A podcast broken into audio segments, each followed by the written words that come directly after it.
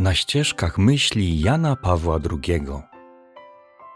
Cykl podcastów przygotowanych przez Muzeum Dom Rodzinny Ojca Świętego Jana Pawła II w Wadowicach. Odcinek drugi. Opracowanie ksiądz Robert Woźniak. Tekst encykliki czyta Marcin Kobierski.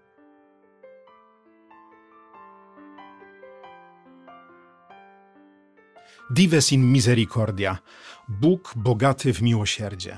To druga encyklika Jana Pawła II, opublikowana już w półtorej roku po pierwszej, dokładnie 30 listopada 1980 roku. Znów widać w niej krakowskie korzenie papieża Wojtyły. Sprawa z kultem Bożego Miłosierdzia, siostra Faustyna i jej przesłanie, o które Wojtyła walczył już jako biskup krakowski. Chociaż nie są one wspominane w samej treści encykliki, to jej ton wyraźnie odnosi się do krakowskiego doświadczenia papieża z dalekiego kraju. Oprócz wątków łagiewnickich wyraźnie przebija także postać brata Alberta Chmielowskiego i jego przesłanie, w którego centrum jest porzucenie sztuki na rzecz odtwarzania obrazu Bożego w żywym człowieku. Wojtyła pisał o tym dramacie wyboru Chmielowskiego w swoim Bracie naszego Boga, odkrywając, iż prawdziwe piękno jest pięknem czynnego miłosierdzia, okazywanego najbardziej odrzuconym, wydziedziczonym. To jest prawdziwa sztuka, miłosierdzie. Takie piękno to jest prawdziwe piękno, piękno miłosierdzia. Miłosierdzie jako piękno. Nie będzie przesadą, jeśli stwierdzimy, że te wszystkie wątki mówią o własnym doświadczeniu człowieka w drewniakach, jak papież nazwał siebie samego podczas wizyty w sanktuarium Bożego Miłosierdzia w Łagiewnikach. Jego duchowa więź z bratem Albertem i Faustyną nie ma charakteru sentymentalnego, ale zdradza głęboki realizm duchowy. Dzięki ich posłannictwu Wojtyła odkrywa siebie samego jako człowieka obdarzonego miłosierdziem – jako człowieka, który jak Maryja znalazł miłosierdzie u Boga. Widzę tutaj ogromne podobieństwo do takiego podstawowego charakteru pontyfikatu jego następcy, papieża Franciszka, którego głównym zawołaniem jest: Ulitował się nade mną i wybrał mnie. Dives in Misericordia stanowi również i przede wszystkim dalsze zgłębianie tajemnicy Chrystusa zapoczątkowane w Redemptor Hominis. Po encyklice jemu poświęconej papież dotyka najistotniejszego nerwu jego przesłania, przesłania Chrystusa, objawienia tajemnicy miłosiernego Ojca. Miłosierdzie Boga jest jednym z najistotniejszych wątków pontyfikatu polskiego papieża. Tutaj nasuwa się uwaga natury bardziej ogólnej. Encykliki należy czytać w całości, w kontynuacji. Słowo redemptor hominis o człowieku ma swój dalszy ciąg w słowie dives in misericordia. Prawda o człowieku rozbłyskuje na twarzy Chrystusa i jest to prawda o miłosierdziu, które ogarnia człowieka i wydobywa go z sytuacji wydających się sytuacjami bez wyjścia. Prawda o człowieku i prawda o Bożym miłosierdziu zakładają się nawzajem. Kontekst tego tekstu to przede wszystkim papieska świadomość zagrożeń budowania nowej powojennej cywilizacji. Świadomość różnorakich nawarstwień zła. Papież pisze tu o uwikłaniu człowieka w zło. Nasza cywilizacja nie tylko wzbudza nadzieje, papież ich nie przeacza, ale także zawiera w sobie momenty, które mogą budzić przerażenie. Dotyka nas również mocno obecność cierpienia i niedoskonałości w świecie – w tym wszystkim widać silny moment biograficzny papieża z Polski, jego doświadczenie totalitaryzmów, kapłańską walkę o człowieka. Dodatkowo doktryna miłosierdzia w Dives in Misericordia jest konkretną drogą realizacji w Kościele wezwania z pierwszej encykliki Redemptor Hominis o człowieku jako drodze Kościoła. Encyklika jest również bezpośrednią odpowiedzią na pewien typ myślenia w nowożytności, który ubóstwia siłę, przemoc i spryt. Nowożytny człowiek nie chce miłosierdzia, chce władzy, chce siły. Chce zamiast miłosierdzia panowanie. Papież wyraźnie przeciwstawia się takiemu sposobowi myślenia, rodem z pism Fryderyka Niczego. Ewangelia jest rewolucją bez przemocy. Zakłada ona wiarę w miłość, która przebacza, która podnosi, która wydobywa człowieka spod nawarstwień różnorakiego zła. Zło można zwyciężyć jedynie przebaczeniem. Miłosierdzie jest lekarstwem uniwersalnym. Ono jest twórcze, inspiruje do życia. Miłosierdzie nie niszczy, ono daje i ratuje życie. Struktura encykliki to osiem rozdziałów. Pierwszy, kto mnie widzi, widzi i Ojca. Drugi, orędzie mesjańskie. Trzeci, Stary Testament. Czwarty, przypowieść o synu marnotrawnym. Piąty, misterium paschalne. Szósty, miłosierdzie z pokolenia na pokolenie. Siódmy, miłosierdzie Boga w posłannictwie Kościoła. Ósmy, modlitwa Kościoła naszych czasów. W sumie całość to rozbudowana medytacja biblijna. Logika tej struktury jest bardzo wyraźna. Znów papież nie zaczyna tyle od sytuacji obecnej, co od ponadczasowego przesłania Ewangelii. To zdradza jego głębokie przeświadczenie, że rozwiązanie naszych problemów nie jest w nas, ale w Bogu, który do nas się zwraca z przesłaniem miłosierdzia, którego ucieleśnieniem jest cały stworzony świat, a przede wszystkim Jego Syn, który stał się człowiekiem dla nas i dla naszego zbawienia. Centrum biblijnej medytacji jest Pascha Jezusa. Krzyż to najgłębsze pochylenie się bóstwa nad człowiekiem. On mówi i nie przestaje mówić o Bogu Ojcu, który jest bezwzględnie wierny swojej odwiecznej miłości do człowieka. Przesłanie pastoralne to kilka istotnych momentów. Przede wszystkim papież zwraca uwagę, iż uobecnianie Ojca jest właściwym centrum działalności Jezusa. Jest ono również zadaniem dla nas. Trzeba stwierdzić, iż taka Ewangelia jest chyba wciąż przed nami. Niemniej pamiętać należy, że uważna lektura świadectw apostolskich o Jezusie jest jednoznaczna. W życiu i misji Jezusa najważniejszy jest Ojciec. Ewangelia Jezusa jest Ewangelią Ojca. Jeśli Redemptor Hominis, pierwsza encyklika, prowadzi do chrystocentryzmu, to Dives in Misericordia, druga encyklika papieska, odkrywa prawdziwe serce centralności Jezusa. To jest objawienie Ojca, podarowanie ludziom udziału w Jego życiu, relacja i spotkanie z Ojcem, z tym, od którego wszystko pochodzi, do którego wszystko zmierza. Chrześcijaństwo jest radykalnie religią miłosiernego Ojca. Bóg nie jest carem, ale Ojcem. Jego miłosierne ojcostwo jest drogą do odkrycia sensu życia i dziejów. Tu właśnie napotykamy prawdziwe serce Ewangelii w Jezusowym przesłaniu o ojcostwie Boga.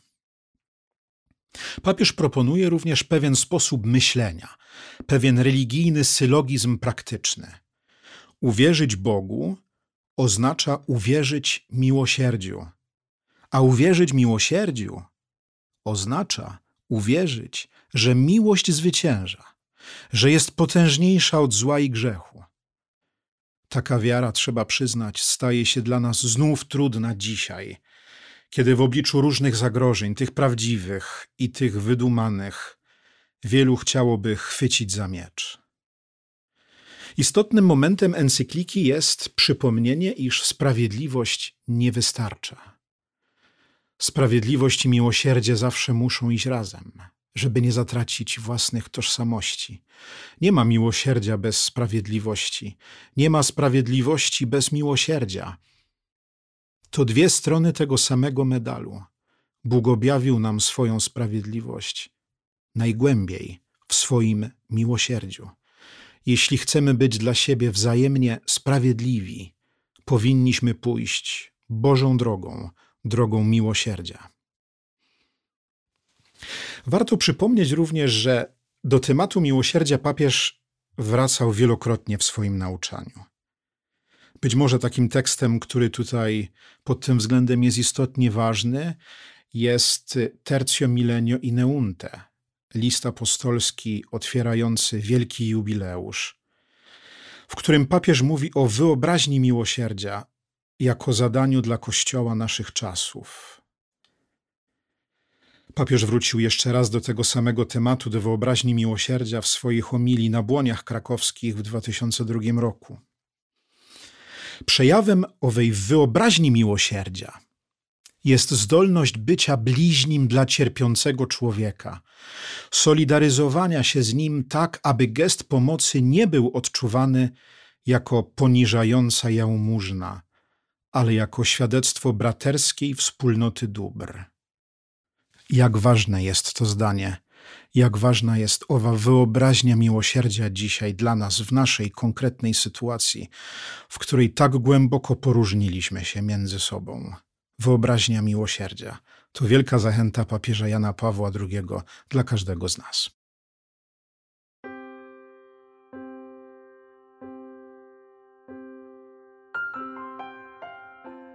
Dives in misericordia. Trudno nie stwierdzić, że w świecie współczesnym zostało rozbudzone na wielką skalę poczucie sprawiedliwości. Z pewnością też ono jeszcze bardziej uwydatnia to wszystko, co ze sprawiedliwością jest sprzeczne. Zarówno w stosunkach pomiędzy ludźmi, pomiędzy grupami społecznymi czy klasami, jak też pomiędzy poszczególnymi narodami, państwami, wreszcie systemami politycznymi, czy też całymi tak zwanymi światami. Ów głęboki i wieloraki nurt, u podstaw którego świadomość współczesnych ludzi postawiła sprawiedliwość, świadczy o etycznym charakterze owych napięć i zmagań, które przenikają świat. Kościół dzieli z ludźmi naszych czasów owo głębokie, gorące pragnienie życia pod każdym względem sprawiedliwego. Nie przestaje też poddawać uwadze licznych aspektów owej sprawiedliwości, o jaką chodzi w życiu ludzi i społeczeństw. Świadczy o tym tak bardzo rozbudowana na przestrzeni ostatniego wieku dziedzina katolickiej nauki społecznej. W ślad za nauczaniem idzie wychowanie czyli kształtowanie ludzkich sumień w duchu sprawiedliwości. A także poszczególne inicjatywy, zwłaszcza w dziedzinie apostolstwa świeckich, które w tym duchu się rozwijają. Trudno wszakże nie zauważyć, iż bardzo często programy, które biorą początek w idei sprawiedliwości, które mają służyć jej urzeczywistnieniu we współżyciu ludzi, ludzkich grup i społeczeństw, ulegają w praktyce wypaczeniu. Chociaż więc w dalszym ciągu na tę samą ideę sprawiedliwości się powołują, doświadczenie wskazuje na to, że nad sprawiedliwością wzięły górę inne negatywne siły, takie jak zawziętość, nienawiść czy nawet okrucieństwo. Wówczas chęć zniszczenia przeciwnika, narzucenia mu całkowitej zależności, ograniczenia jego wolności staje się istotnym motywem działania.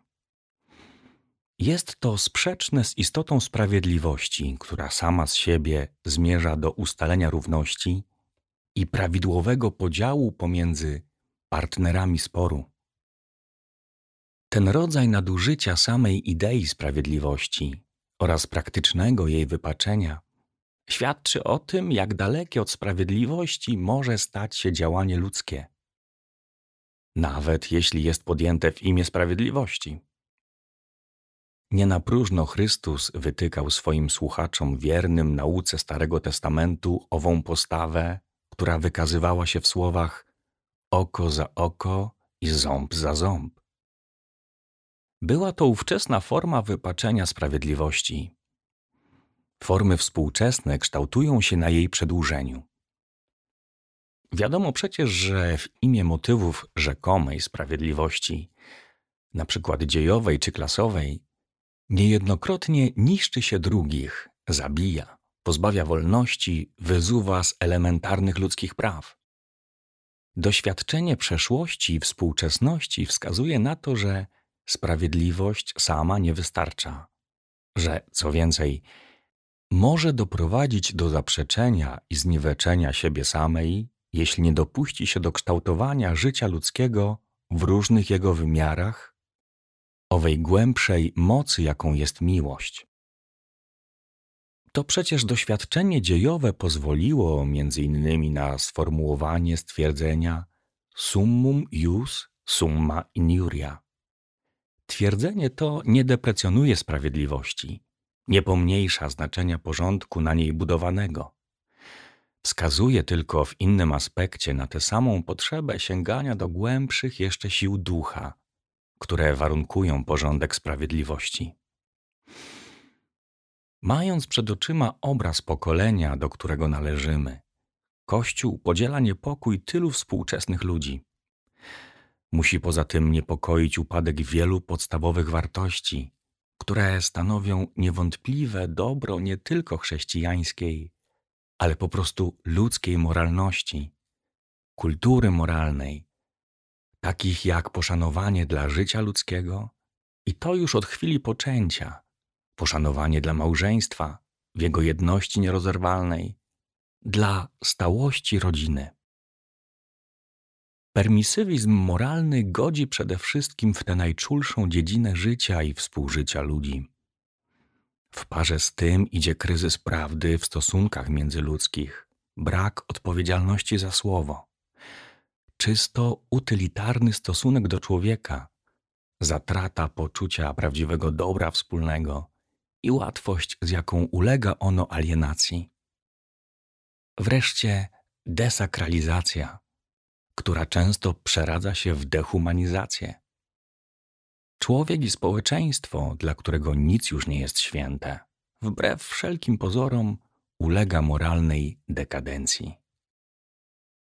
W relacji do takiego obrazu naszego pokolenia, który musi budzić głęboki niepokój, wracają do nas te słowa, jakie w momencie wcielenia Syna Bożego odezwały się w maryjnym Magnificat. Słowa mówiące o miłosierdziu, które trwa z pokolenia na pokolenie. Biorąc głęboko do serca wymowę tych natchnionych słów, przykładając je do własnych doświadczeń i cierpień wielkiej rodziny ludzkiej, Kościół naszej epoki musi uświadomić sobie szczególną i pogłębioną potrzebę tego, aby w całym swoim posłannictwie świadczyć o miłosierdziu Boga. Idąc w tym po śladach tradycji Starego i Nowego Przymierza, a nade wszystko samego Jezusa Chrystusa i Jego apostołów. Kościół winien dawać świadectwo miłosierdziu Boga objawionemu w Chrystusie, w całym Jego mesjańskim posłannictwie. Przede wszystkim wyznając je jako zbawczą prawdę wiary i życia z wiary, z kolei starając się wprowadzać je i wcielać w życie zarówno własnych wyznawców, jak też w miarę możliwości wszystkich ludzi dobrej woli. Wreszcie Kościół, wyznając miłosierdzie i nie odstępując od niego w życiu, ma prawo i obowiązek odwoływać się do miłosierdzia Bożego, wzywając go wobec wszystkich przejawów zła fizycznego i moralnego, wobec wszystkich zagrożeń, które tak bardzo ciążą nad całym horyzontem życia współczesnej ludzkości.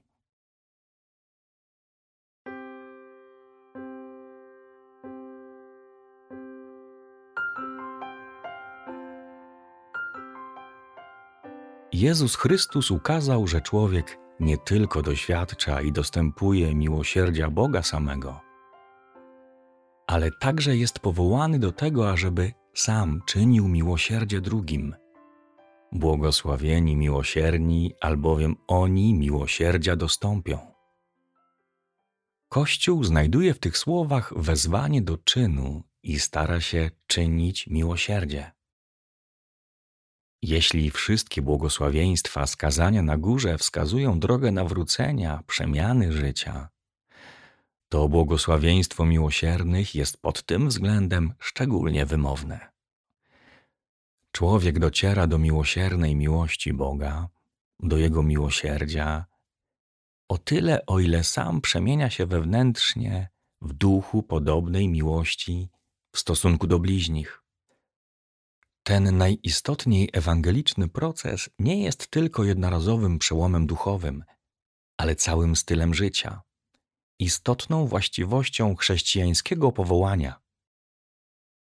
Polega ono na stałym odkrywaniu i wytrwałym, pomimo wszystkich trudności natury psychologicznej czy społecznej, urzeczywistnianiu miłości jako siły jednoczącej i dźwigającej zarazem miłości miłosiernej, która jest ze swojej istoty miłością twórczą. Miłość miłosierna we wzajemnych stosunkach ludzi nigdy nie pozostaje aktem czy też procesem jednostronnym. Nawet w wypadkach, w których wszystko zdawałoby się wskazywać na to, że jedna strona tylko obdarowuje, daje, a druga tylko otrzymuje, bierze, jak na przykład w wypadku lekarza, który leczy, nauczyciela, który uczy, rodziców, którzy utrzymują i wychowują swoje dzieci, ofiarodawcy, który świadczy potrzebującym. W istocie rzeczy zawsze również i ta pierwsza strona jest obdarowywana. A w każdym razie także i ten, który daje, może bez trudu odnaleźć siebie w pozycji tego, który otrzymuje, który zostaje obdarowany, który doznaje miłości miłosiernej. Owszem, doznaje miłosierdzia. Tutaj Chrystus ukrzyżowany jest dla nas najwyższym wzorem, natchnieniem, wezwaniem. W oparciu o ten przejmujący wzór możemy z całą pokorą okazywać miłosierdzie drugim, wiedząc, że On przyjmuje je jako okazane sobie samemu. W oparciu o ten wzór musimy też stale oczyszczać wszelkie nasze działania i wszelkie intencje działań, w których miłosierdzie bywa rozumiane i praktykowane w sposób jednostronny, jako dobro czynione drugim. Tylko wówczas bowiem jest ono naprawdę aktem miłości miłosiernej, gdy świadcząc je, żywimy głębokie poczucie, iż równocześnie go doznajemy ze strony tych, którzy je od nas przyjmują. Jeśli tej dwustronności, tej wzajemności brak, wówczas czyny nasze nie są jeszcze prawdziwymi aktami miłosierdzia. Wówczas nie dokonało się jeszcze w pełni to nawrócenie, którego drogę ukazał nam Chrystus swoim słowem i przykładem aż po krzyż. Wówczas też nie uczestniczymy jeszcze całkowicie we wspaniałym źródle miłości miłosiernej, które zostało nam przez Niego objawione.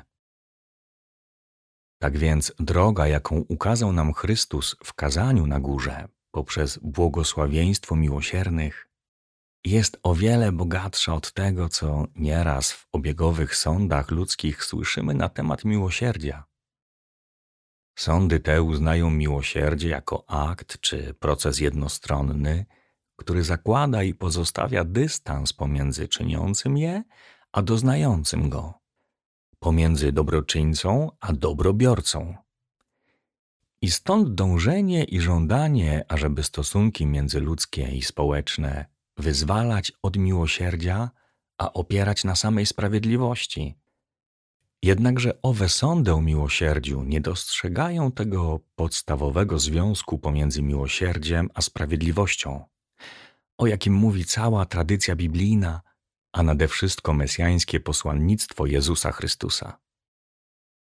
Autentyczne miłosierdzie jest jakby głębszym źródłem sprawiedliwości.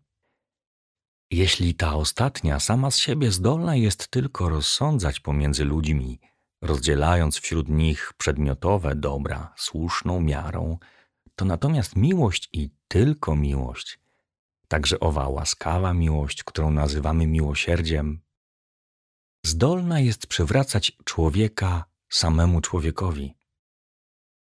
Autentycznie chrześcijańskie miłosierdzie jest zarazem jakby doskonalszym wcieleniem zrównania pomiędzy ludźmi, a więc także i doskonalszym wcieleniem sprawiedliwości. O ile ta w swoich granicach dąży również do takiego zrównania.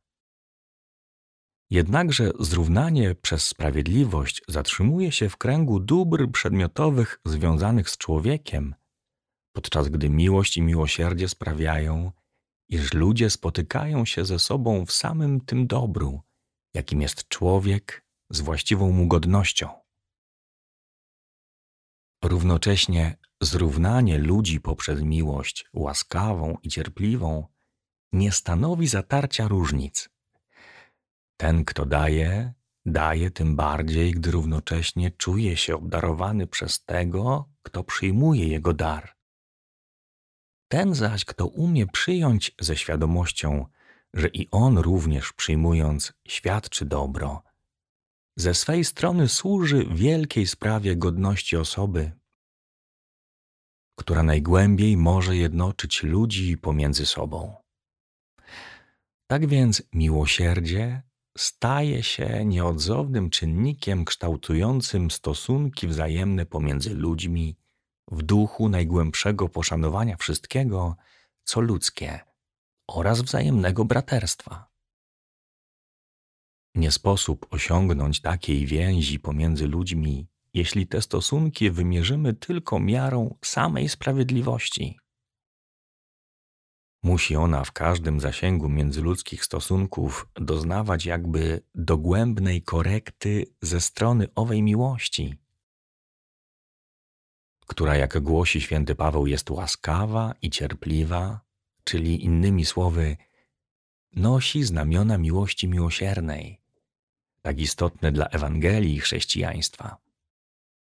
Przypomnijmy jeszcze, że owa miłosierna miłość oznacza także tę serdeczną tkliwość i czułość, która tak wyraziście przemawia do nas ze słów przypowieści o synu marnotrawnym, a szczególnie o owcy czy o drachmie zagubionej.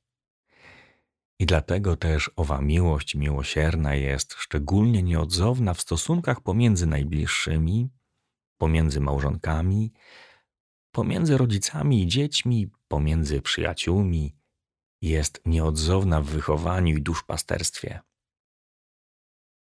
Jednakże zasięg jej tutaj się nie kończy.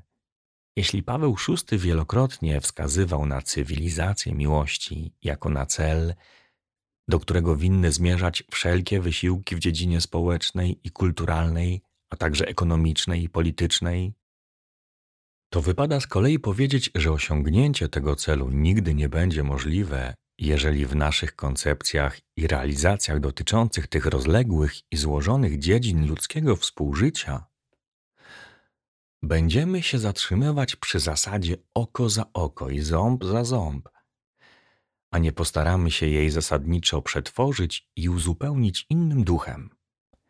W tym kierunku prowadzi nas też niewątpliwie Sobór Watykański II, gdy tyle razy mówiąc o potrzebie tworzenia świata bardziej ludzkiego, misję Kościoła w świecie współczesnym upatruje właśnie w realizacji tego zadania. Ów ludzki świat nie może stawać się bardziej ludzkim, jeśli nie wprowadzimy w wieloraki zakres stosunków międzyludzkich, a także stosunków społecznych, wraz ze sprawiedliwością owej miłości miłosiernej, która stanowi mesjańskie orędzie Ewangelii. Ów ludzki świat może stać się bardziej ludzkim tylko wówczas, gdy we wzajemne stosunki, które kształtują jego moralne oblicze, wprowadzimy moment przebaczenia, tak istotny dla Ewangelii. Przebaczenie świadczy o tym, że w świecie jest obecna miłość potężniejsza niż grzech. Przebaczenie też stanowi podstawowy warunek pojednania nie tylko w stosunku Boga do człowieka, ale także w stosunkach wzajemnych pomiędzy ludźmi. Świat, z którego wyeliminujemy przebaczenie, może być tylko światem zimnej, bezwzględnej sprawiedliwości, w imię której każdy będzie dochodził swych praw w stosunku do drugiego, a drzemiące w człowieku egoizmy różnego gatunku mogą albo zamienić życie i współżycie ludzi w system ucisku słabszych przez silniejszych, albo też w arenę nieustannej walki jednych przeciw drugim. Dlatego też Kościół za swój naczelny obowiązek na każdym, a zwłaszcza na współczesnym etapie dziejów, musi uznać głoszenie i wprowadzenie w życie tajemnicy miłosierdzia objawionej do końca w Jezusie Chrystusie. Tajemnica ta stanowi nie tylko dla samego Kościoła jako wspólnoty widzących, ale także poniekąd dla wszystkich ludzi źródło życia innego niż to, jakie może zbudować człowiek pozostawiony samym siłą działającej w nim trojakiej porządliwości. To w imię tej właśnie tajemnicy Chrystus uczy nas stale przebaczenia. Ile razy powtarzamy słowa tej modlitwy, której On sam nas nauczył. Prosimy, odpuść nam nasze winy, jako i my odpuszczamy naszym winowajcom, tym, którzy przeciw nam zawinili. Trudno wręcz wypowiedzieć, jakie głębokie jest znaczenie postawy, którą te słowa wyrażają sobą i kształtują. Ile one mówią każdemu człowiekowi o drugim człowieku, a zarazem i o nim samym. Świadomość, że jesteśmy zwykle wzajemnie wobec siebie dłużnikami, idzie w parze z wezwaniem do tej braterskiej solidarności, której święty Paweł dał wyraz w zwięzłym wezwaniu jeden drugiego brzemiona noście.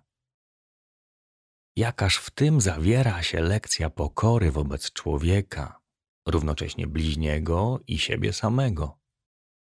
Jakaż szkoła dobrej woli współżycia na każdy dzień i w różnych warunkach naszego bytowania. Gdybyśmy odrzucili te lekcje, cóż pozostałoby z jakiegokolwiek humanistycznego programu życia i wychowania? Chrystus tak bardzo nalega na konieczność przebaczenia drugiemu, że Piotrowi pytającemu, do ilu razy winien jest przebaczyć bliźniemu, wskazuje symboliczną cyfrę 77 razy. Chcąc przez to powiedzieć, że powinien umieć przebaczać każdemu za każdym razem. Oczywiście, że to tak szczodrze wymagane przebaczenie nie niweczy obiektywnych wymagań sprawiedliwości. Właściwie rozumiana sprawiedliwość stanowi poniekąd cel przebaczenia. W żadnym miejscu orędzia ewangelicznego ani przebaczenie, ani też miłosierdzie jako jego źródło nie oznacza pobłażliwości wobec zła, wobec zgorszenia, wobec krzywdy czy zniewagi wyrządzonej. W każdym wypadku naprawienie tego zła, naprawienie zgorszenia, wyrównanie krzywdy, zadość uczynienie za zniewagę jest warunkiem przebaczenia. Tak więc podstawowa struktura sprawiedliwości wkracza zawsze na obszar miłosierdzia. To ostatnie posiada jednakże moc wypełnienia sprawiedliwości nową treścią. Treść ta najprościej i najpełniej uwydatnia się w przebaczeniu. Ono bowiem ukazuje, iż poza całym procesem wyrównawczym czy też rozejmowym, który właściwy jest samej sprawiedliwości, dochodzi do głosu miłość, czyli afirmacja człowieka.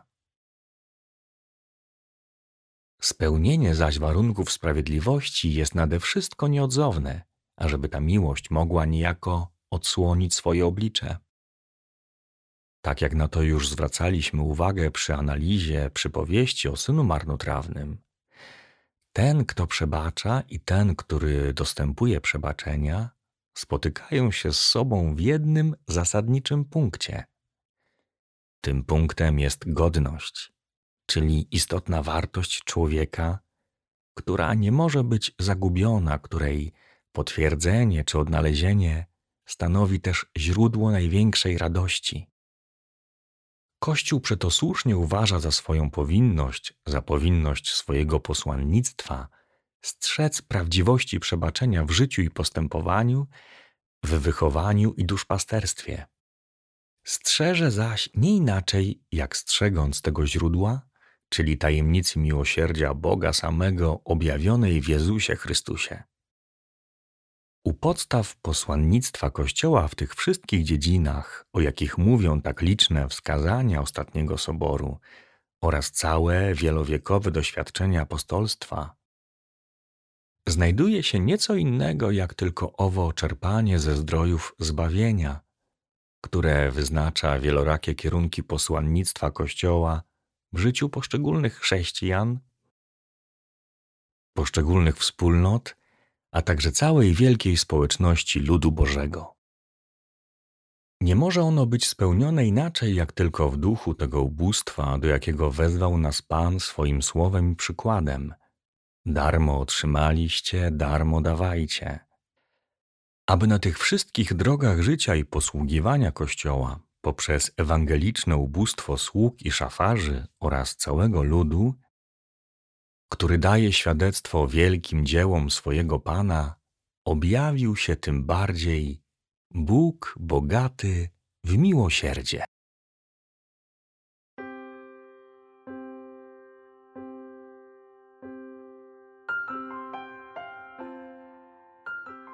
Dziękujemy za wysłuchanie podcastu przygotowanego przez Muzeum Dom Rodzinny Ojca Świętego Jana Pawła II w Wadowicach.